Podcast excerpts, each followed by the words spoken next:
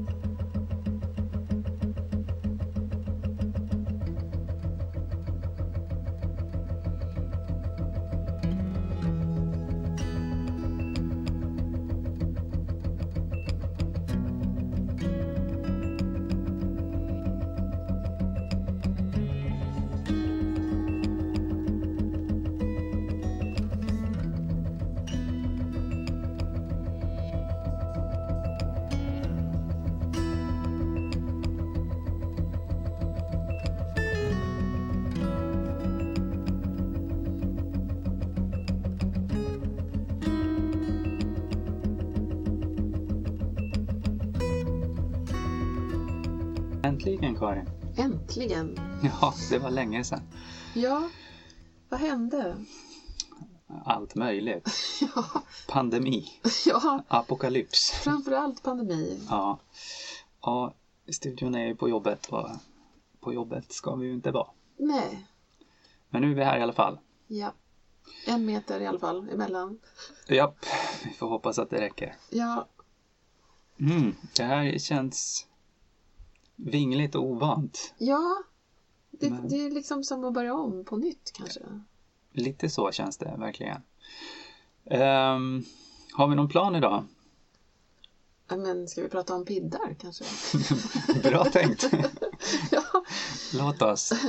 Eh, vi har ju gjort fem avsnitt vid det här laget. ja. Det känns som vi har forsat igenom olika sorters piddar men, Mm. men liksom utforskat dem ganska grunt. Mm. I, I viss mån i alla fall. Ja. Ehm, jag tänker att vi kan fördjupa oss i, lite i det här med ehm, liksom olika användningsområden och olika slags piddar och eh, eh, hur de relaterar till metadata. Ja, Och, och försöka slå in den spiken och djupdyka lite. få liksom lite struktur på piddarna. Inte bara lyfta upp dem en och en. Ja men precis. Kika lite på olika typer av PID-system. Och, eh, och kanske skillnaden hur piddar används beroende på om det är människor eller maskiner som använder dem. Ja, Eh, I slutändan är det väl kanske alltid människor men ja det är klart. Men det vore bra om maskinerna kan sköta sitt. Mm. Jag, jag, får, jag får en bild i mitt huvud av, av en, eh, en powerpoint-slide. jag älskar ju powerpoint. Eh, från den första Pidapalooza-konferensen jag var på, på Island. Mm. Eh, ett klassiskt Venn-diagram. Ja, Venn-diagram gillar man. ja. Eh, där, där de här cirklarna som då skär varandra står det i respektive cirkel står det identifiers, APIs och processes och, och där alla de här skär varandra där hittar man liksom sin sweet spot. Mm. Det är lite det, in dit vill vi idag. Direkt på honungen. ja, vad tror du om att vi börjar i det enklast möjliga då och jobbar oss mot mer komplexa grejer? Vi testar. Eh, vad är den enklaste PID du kan komma på om vi rör oss i liksom vår domän? Ja, men liksom den som man, jag har stött på innan jag visste att det fanns något som heter piddar Mm. är väl ISSN. Bra där. Bra PID. Ja, är det en PID? Det beror på vad man menar med PID kanske. Mm, det är kanske en definitionsfråga såklart. Ja, den är ju i alla fall en identifierare. Är det. Och som identifierar en tidskrift, närmare bestämt. Ja, det gör den ju. Online eller fysisk. Mm. Men där, om man nu menar att eh, piddar också ska liksom ha går att göra någonting med, vara actionable, så Mm. är det väl inte det? Va? Det finns inget metadataschema knutet till ISSN. -et. Eh, nej, inte till ISSN i sig va? Eller inte som man kan komma åt på något sätt via ISSN utan manuell, liksom, manuellt söka upp saker i ISSN-portal eller någonting. Ja, nej precis, men det ingår ju då i andra metadatascheman. Mm. Som en komponent. Mark 21. Mark 21 till exempel, välkänt. Eh, men så finns det inga API knutna till ISSN heller, så för det kan liksom inte användas ensamt för att skapa just det. länkar. Och det är ju inte heller en beständig länk som man gärna vill att en PID ska vara. Nej. Men eh, det kanske är som att det identifierar själva liksom konceptet tidskrift. Just det, eller konceptet av en specifik Ja, tidskrift just kanske det. snarare. Ja, precis. Och sen så kan det ju finnas, liksom, då kan den här tidskriften finnas lite här och lite där. ja.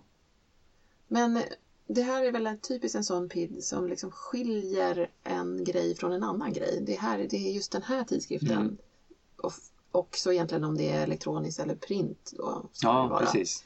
Som den här är.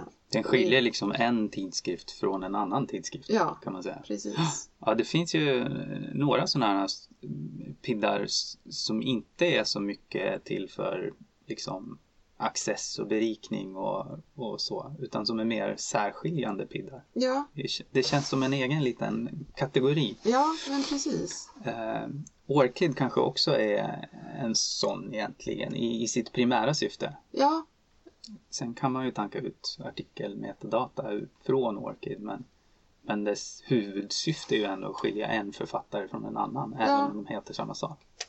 det är väl därför den skapades. Mm. Just för den. Eh, kan du tänka på någon annan särskiljande PID? Ja, men det kanske är just så här ROR. Man skiljer en just det. institution från en annan. Ja, Det är ju, i vår, alla just, typer av organisationspiddar egentligen. Ja, I just vårt fall är det ju ganska viktigt till exempel att skilja Karolinska institutet från Karolinska sjukhuset. Ja. Då jobbar vi ju ganska mycket med pro- eller vi har rätt mycket problem Ja, med det inte lätt. på många ställen. Ja, verkligen. Har du någon annan i rockärmen? Mm. Eh, Ska vi nöja oss med dem? ja, vi kanske nöjer oss där. Jag tänker det kan ju vara till exempel konferenspiddar kan ju Mm. vara av den typen också. Ja, Konferenser är svåra att skilja från varandra. De heter liknande och de återkommer och vilket år. ja Ja, du fattar. precis. Ja, ska vi raskt vandra vidare då? Ja, Eh, en annan vanligt förekommande PID som inte heller är jättekomplex är ju uh, handle. mm, Uh, handle är ju då eh, en beständig länk också, actionable. mm, Eh, Men i likhet med ISSN så finns ju här inget metadataschema knutet till handel. Utan det, Nej. det är bara ett unikt nummer och en länk till objektet så att säga. Eh, vad jag vet så har Handle Registry inget eget API. Däremot så kan man ju tanka ut det från andra systems API tänker jag. Om vi eh, ställer frågor mot DSpace till exempel Mm. skulle vi kunna få ut Handle med ett antal fält metadata säkert också. ja, Eh, Men ganska enkel och, och basal PID för att identifiera olika typer av objekt. mm, Mm. Det är väl inte så mycket mer att säga om handeln. nej det är väl inte det. Nej.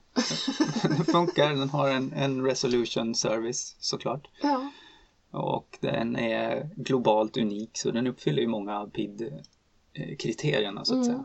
Men eh, inte så fett metadata.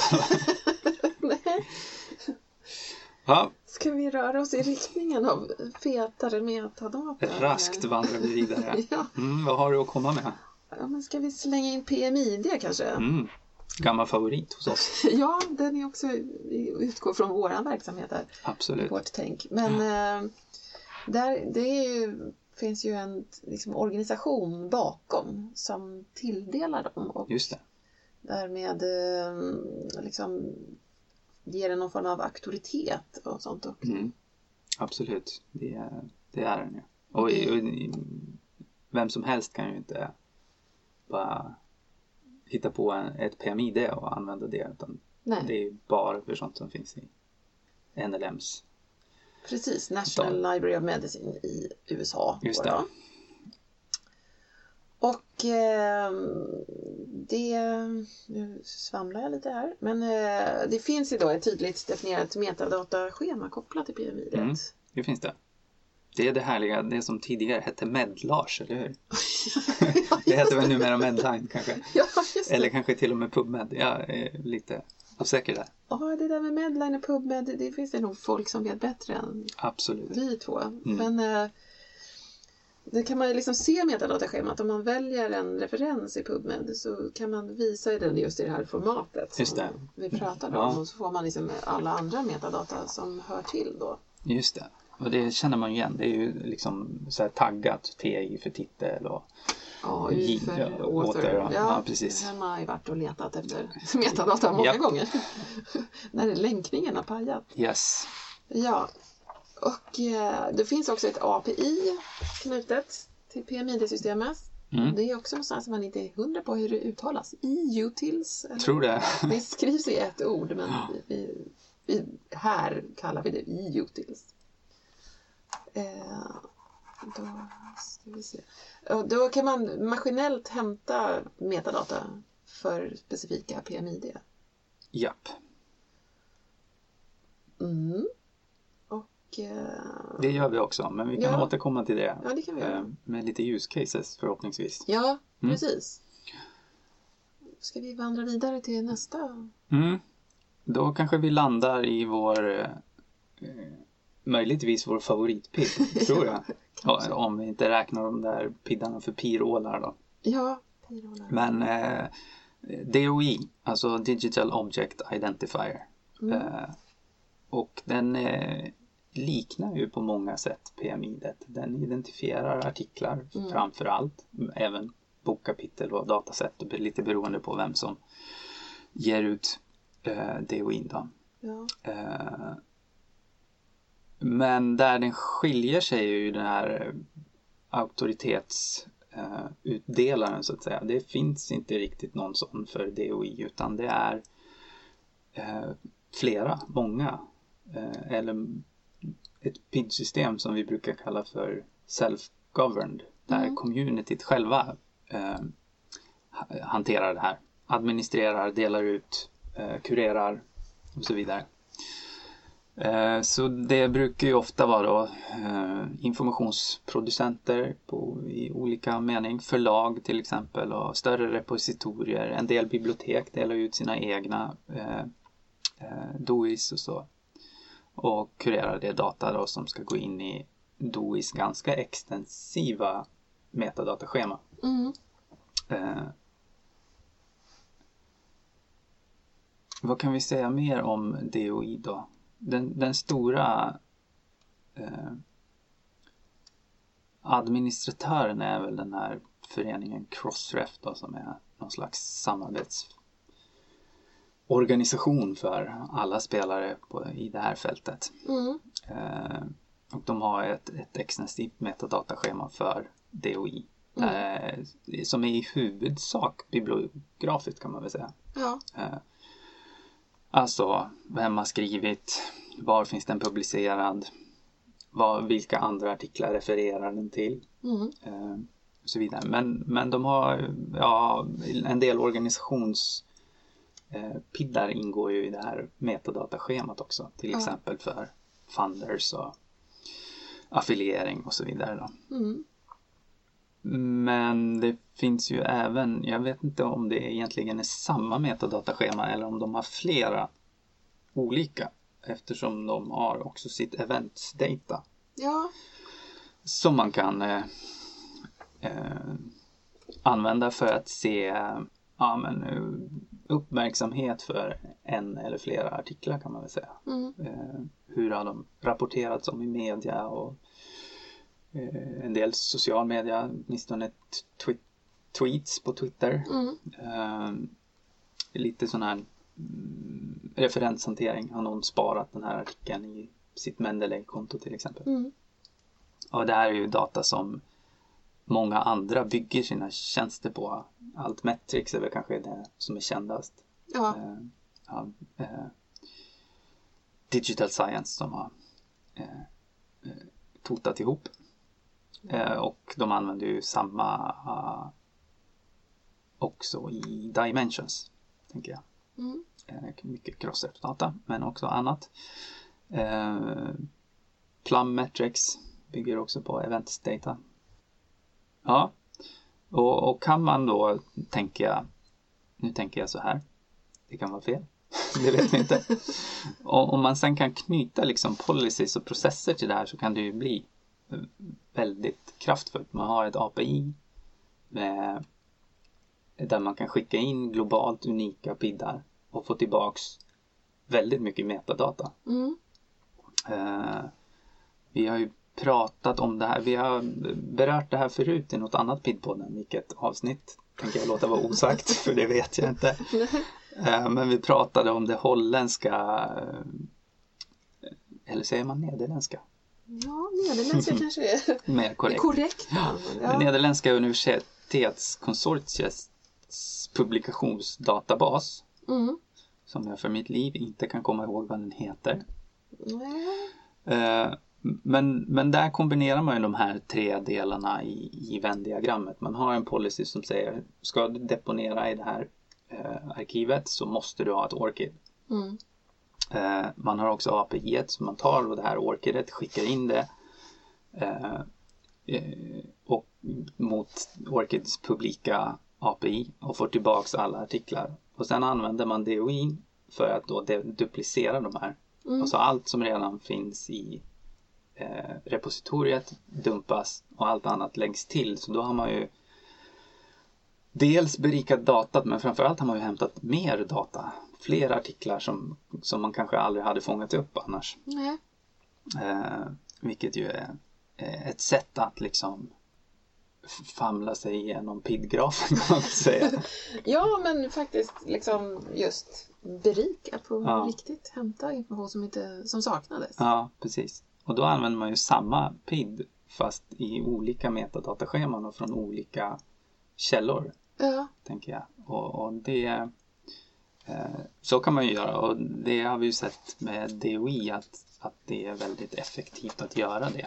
Mm. Där man beroende på sitt behov kan använda en specifik resolver eller ett specifikt API och få en viss typ av metadata tillbaks. Har man ett annat behov kanske man använder ett annat. Ja, Eh, det, eh, precis. Det där liksom, samma PID blir actionable på flera olika sätt. exakt. Det, det är både spännande och användbart. Ja, Jag tänkte vi kunde kanske fundera på några use case så det kanske blir lite tydligare. ja hur gör vi här? Exakt. Ja. Det här blir ju väldigt bibliotekarieinriktat tänker jag. För nu är vi inne i metadataträsket och snurrar. Men ja, det kanske är, är där vi brukar hålla oss Ja. för det mesta. förvisso. Förutom när vi pratar om pirålar. Ja. Som är generellt intressant såklart. Precis. Men eh, om vi går tillbaka till den här med PMID då, Mm, som vi snackade om förut. just det. När vi eh, länkar till exempel från eh, PubMed Mm. till vår länkserver, då är Mm. OpenURL. Yes. Och typ, PubMed skickar bara ut PMID, Mm. ingen annan metadata.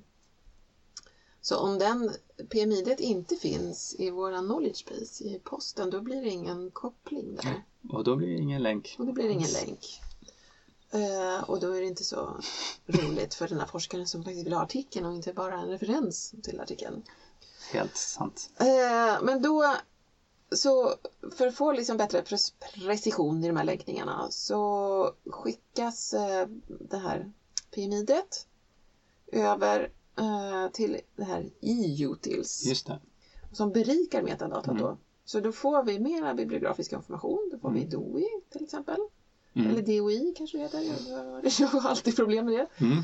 Och så kan vi slå upp det i- vår knowledge base. Det, det. vi ju, det finns ju på väldigt många fler Mm. poster. Och så får vi den där open URLen som faktiskt leder fram till artikeln. Just det. Det. Exakt. Och det här sker ju liksom mellan två system.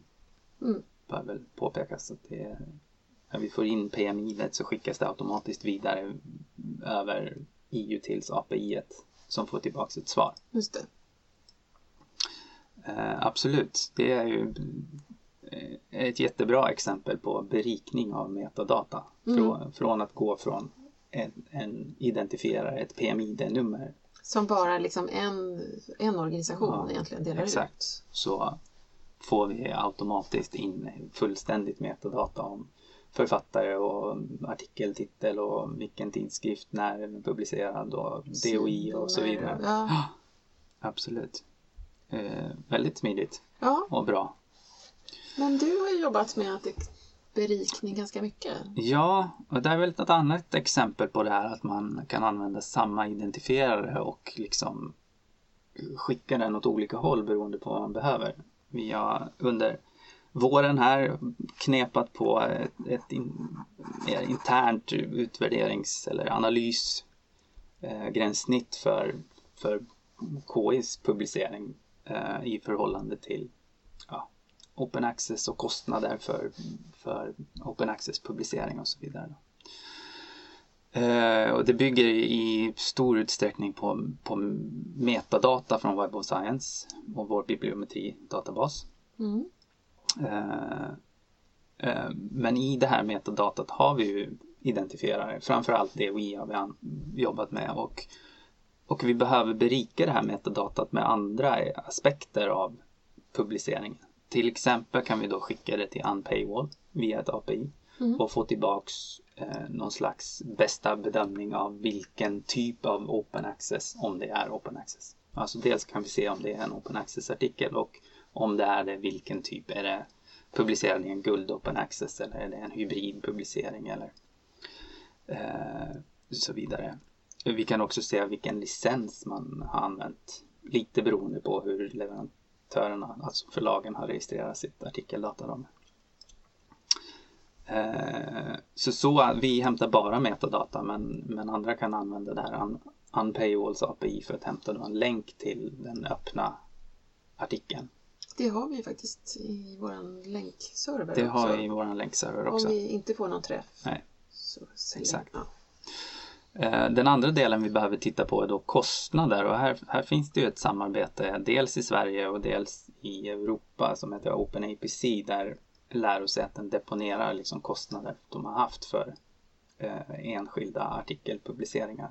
De deponerar information om Ja, kostnaden. exakt. Mm. Och eh, även där använder vi DOI för att, för att hitta match. Då, liksom. Ja, här har vi artikelns DOI och, och i OpenAPC kan vi då hitta kostnaden för motsvarande artikel så att säga. Mm.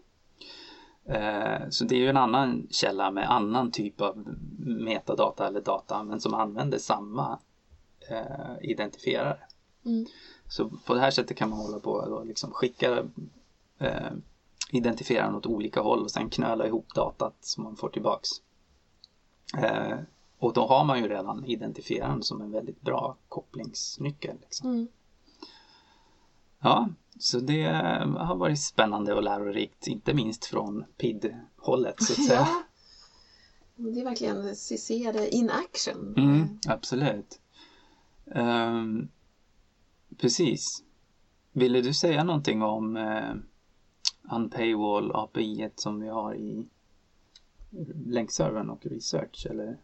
Eh, ja, men vi har ju det då om, om vi har, eh, ja då måste man ju nästan, jag vet inte om vi förutsätter att alla redan vet hur det funkar med länkserver men liksom, Mm. annars så lägger ju länkservern upp en länk om vi har liksom aktiverat någon resurs i våran knowledge base. Och det har vi gjort om vi har en prenumeration eller på annat sätt Ja. licensierat material. Eller om det har utvalda open access-resurser också. Precis. Men om det då eh, blir träff på en artikel som vi då inte har aktiverat i den här knowledge-basen Mm. då eh, gör den ett uppslag mot Unpaywall. Och finns den här artikeln då, do- do- DOIn för Ja. artikeln i Unpaywall, då skickar den tillbaka liksom, info så att vi kan skapa en länk. Precis. Den skickar väl tillbaka länken egentligen Ja, tror jag för. Open Access-artikeln. Ja, Eh, som egentligen är bygger på DOI, det är bara ett annat resolve eh, förled så att säga istället Mm. för doi.dx.org eller vad det kan tänka. just det. doi.org kanske den är bara nu. Ja, det är borta. Ja. Ja. precis. Så har den ett annat förled vilket då leder till den öppet tillgängliga versionen av den här artikeln. ja, Så det kan vara lite olika just det. versioner. Precis. Så där använder vi egentligen bara Resolver-tjänsten och hämtar inget metadata i, i princip. Nej, det Det kunde man ju tänka Man kunde tänka sig att man kanske ville informera om ja, men vilken typ av artikel det är. För det finns ju metadata. Men Ja. Det gör vi inte idag i alla fall. Nej. Ehm, eh, en annan grej. Tjänst, databas som vi utnyttjar maskinellt också i vår länkserver. Det är ju den här OpenAirs Scollix databas. Mm. Eh, Den har vi också pratat om förut i något PID-podden avsnitt Ja, av de många vi har gjort. alla fem. Ja. Eh, Det här är en tjänst i alla fall som försöker liksom behålla kopplingen mellan eh, olika datasätt, forskningsdatasätt och den eh, publikation det i slutändan har resulterat eller resulterat i eller publikationer som har använt specifika datasätt Mm. eh, i den mån man kan se det. Eh, eh, har inte funnits jättelänge och, vet inte riktigt vad jag kan säga om täckning och den är ju i viss mån experimentell. Vi testar den i alla fall och eh, för, för varje artikel som har ett PMID eller en DOI så då använder vi två olika identifierare. Skickar det till Scolex via över deras API och får då tillbaks eh, information om det finns kopplade datasätt till den publikationen som, som vi har. Vi har ju då valt att inte aktivera så mycket datasätt, den typen av källor i, i vår söktjänst och i vår länkserver. Eh, så det är ju ett sätt att, att här är ju ett typiskt sätt att berika data. Här finns det något mer eh, än bara publikationen så att säga. Mm. Berikar man metadata? Att man berikar tjänsten med mer? Ja. Jag vet inte. Ja. Ja, det är sant. Det har du rätt i. Det är kanske inte är metadatat som berikas. Men Det är upplevelsen. experience. Men eh, det är liksom det som vi levererar berikas hur som helst. Ja, det är väl de eh, exempel jag kan komma att tänka på eller use cases så att säga där vi där vi liksom utifrån behov skickar piddar åt olika håll Mm. eh, och använder metadatat som kommer tillbaks. En del annat också. Men framförallt metadatat. Jag kom på en annan, jag vet inte om det räknas in, men vi har ju till exempel i vårt fjärrlåneformulär kan man ju fylla i bara ett PMID. Just det. Eller man kan fylla i jättemånga PMID och så kommer artikelmetadatat in. Så att, eh, det är ju en form av Mm, berikningstjänst. det är det absolut. Eh, som är- kanske nästan är en av de första som vi jobbade på. Det på det jag. sättet. Det är därför har glömt bort det. Ja, det är ganska basic men ganska kraftfullt om du har tio referenser. Ja, Du beställa sitta och, artiklar. och knappa in dem liksom. Ja, Ja, det är det ju absolut. Den berikningen ser ju inte användaren. Nej. Men man märker ju effekten av den. Ja. Att man inte behöver skriva i det här precis. eh, referenserna. då. Det var det kom jag på Mm. också. Men Bra. Bra uppfångat. Mm. Är det det vi har idag kanske? det kanske är det. Blev det tydligt nu att Jag vet inte. det finns olika syften med piddar? Mm.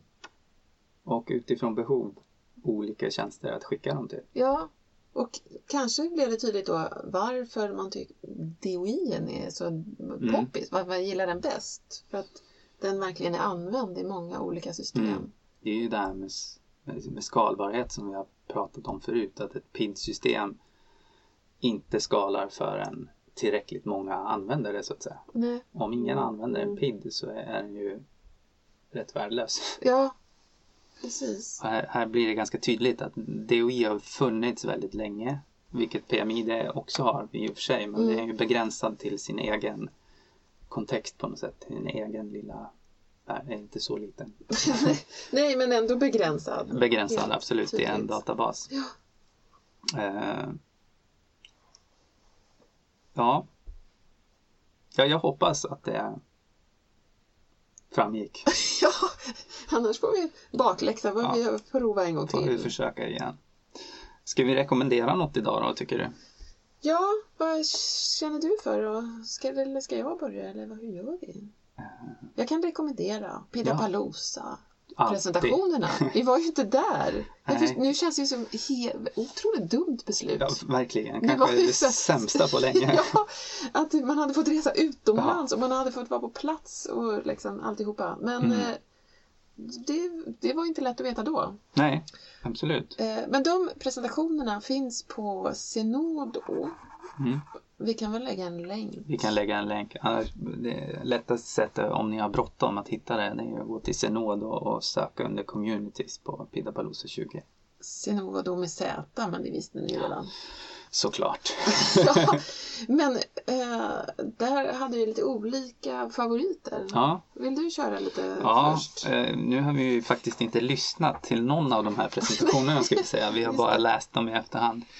Eh, Men det jag tyckte var roligt det var ju att IOSK tog mer plats än Mm. någonsin. Mm. eh, European Open Science Cloud. Kul. Eh, De börjar bli en st- stor spelare via Freja och andra initiativ. Ja, Eh, och framförallt för oss då såklart i Europa. Mm.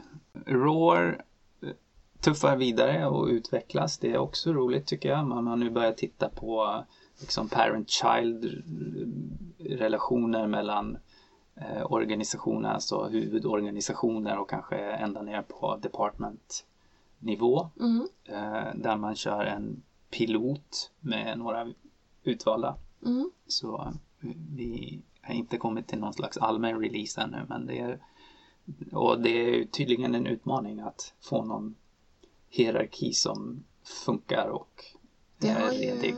tycker jag, många sådana organisationsstrukturer liksom, strukturer har fallit på Mm, förut. Man, absolut. Och också det här som man faktiskt har problem med, med Mm. prenumerationer och grejer. Ja. Och ofta går det ganska bra att sätta upp det men sen är det jättesvårt att hålla det liksom eh, alltså Uppdaterat. Ja. när eh, ja, men, eh, institutioner kan flytta mellan huvudorganisationer Mm. till exempel byta namn, gå ihop. Alltså, Ja. det, det är väldigt svårt att hålla det uppdaterat. Mm. Eh, det jag tyckte var roligt var, också att Merrill hade åtminstone två presentationer. Vi har pratat om Merrill förut. Det är en ganska liten spelare som, som utfärdar piddar för eh, infrastruktur kan man säga. Ja. Eh, instrument till exempel. Mm. Vetenskapliga instrument. och Så. så de är med i communityt nu. Ja. tycker jag känns roligt. ja, Eh, Det var väl det. Det finns mer att gräva i. Jag är Ja. helt säker. jag tyckte ju då om Metadata 2020. Mm. eh, De hade liksom så här fokuserat på vad, vad kan man göra, vad kan det användas till? Mm. Eh, liksom, ja, tänka runt piddar och metadata ur liksom sin, sin roll. Mm. Man kan det. vara creator eller Mm. curator eller custodian eller consumer. Och det är liksom, man har olika roller i flödet beroende på vilken av de här eh, när man har olika uppgifter i flödet Mm. beroende på vilken roll man Just det. har. Ja. Och att eh, sen hade de då, de har ju försökt hitta någon sån här klatschig liksom, bokstavskombination vad, eh, för principerna. Men då har de ju kommit fram till sina fyra C då. Mm. Compatible, complete, credible och curated ska metadata vara för att Ja, funka liksom. Mm. Och då ska man tänka utifrån sin roll, vad kan jag göra liksom? Vad, i vilken av de här kan jag bidra? Ja, Mm. precis. Så, och så var det, de har också sina practices listade där. Men det- det var bra sammanfattat. Mm. Så att jag, det, Kul. Mm. Jätteroligt. Jag har en grej till faktiskt. Ja. Som är ganska perifer. Men som jag tyckte var spännande. ja, Det är eh, en organisation som heter IUPAC. som har tagit fram en ny identifierare för kemisk, chemical com- compounds. Kemiska föreningar eller kemiska eh, du ser, redan här faller min kunskap. Ehm, kemiska substanser heter det väl kanske snarast. mm, Eh, och det är en ganska utförlig artikel men som på ett väldigt bra sätt liksom förklarar bakgrunden och behovet och processen med att ta fram den här eh, identifierarna då. Eh, och, och det är ju otroligt komplicerat när vi har med naturfenomen att göra så att säga. Eh, eh, och man, man började någonstans med att titta på, ja men att man hade faktiskt en, en typ av identifierare för de här innan man ens visste hur de funkade eller hur de var sammansatta. Eh, vilket då bestod i trivialnamn som ja, men vatten och järn och vad det kan ha varit. Salt. Eh, och de betecknar ju på något sätt egenskaperna snarare än sammansättningen. Mm. Eh, men sen har man då gått vidare och det finns, eh, konstaterar man också, finns många bra identifierare för den här eh, för kemiska substanser. Men vissa saker måste lösas. Bland annat de som används allra mest är den här typen av auktoritetstilldelade. Eh, där bara en organisation i världen kan eh, tilldela en PID. Vilket betyder att man på, på inget sätt kan beskriva ett nytt ämne man har hittat eller Mm. skapat eller vad, Ja. eh, så. Vilket var ett problem, insåg man. Eh, Ett annat problem är ju att eh, eh, rent filosofiskt, vad är ett ämne? Ja, men många kan till exempel om vi tar vatten som exempel tror jag att alla kemister är överens om att vatten är samma ämne oberoende om det förekommer i gasform eller is eller vatten. Mm. Eh, Och så här är det ju med många ämnen. Och vad, vad är, hur ska man avgränsa det liksom och hur ska man beteckna det? Ja, men sen eh, senare har man då gått över till att, att liksom eh, identifiera ämnen genom eh, ja, men hur de ser ut, hur de är sammansatta. Till exempel eh, ja, ChemSpider har ju i vår databas där, lista till exempel där man kan se själva molekylritningen av Mm. hur ett ämne sitter ihop. Eh, Men även om de är väldigt exakta så har vi fortfarande behovet av en, eh, en nominerare eller alltså en label. Mm. Hur ska jag annars söka fram ämnet? Jag kan ju inte skriva i min kemiska formel liksom. Min ritning i sökrutan. Ehm, Ja, och sen stora delar av artikeln förstod jag överhuvudtaget inte. Då hade jag nog behövt vara kemist tror jag. Ja. Det handlade om ja, men, atomantal och så vidare. Eh, eh, Men spännande läsning från ett annat eh, PID-område helt och hållet som eh, jag tyckte var fascinerande i alla fall. Vi lägger upp en, en länk till artikeln för den som eventuellt vill läsa om något helt annat än bibliotekspiddar. Det där, det där piddnörderiet kommer in och man Ja. bara, det här var ju spännande. Det var som Man den kan ju inte hålla sig. som den andra, vad var det, fält för undersökning och vad man hade odlat och, Ja, och under vilken precis. tidsperiod. Och man Ja. liksom, Ja, det ja, vad spännande, spännande. tänker man när man är en piddnörd. Eller hur? Ja, Jaha, nej men eh, det var, det var väl det, höll jag på att säga. för den här gången. Mm. Man vet Ja. aldrig när vi kommer tillbaka. Jag tänker att vi gör inga utfästelser men Nej. att vi har inte lagt ner. Vi fortsätter Ja. kämpa på. Vi lovar att skärpa oss, så långt kan vi gå. Ja, nu, liksom, nu lever ju vi med den här situationen och så Ja. hanterar vi det därifrån. Yes. Så det är ju Ja, sommar. är det ju sommar. Då blir det naturlig semesterpaus såklart. Ja. Bra! Men tack för den här gången, Karin. ja, tack. Vad härligt det var att vara tillbaka. Verkligen.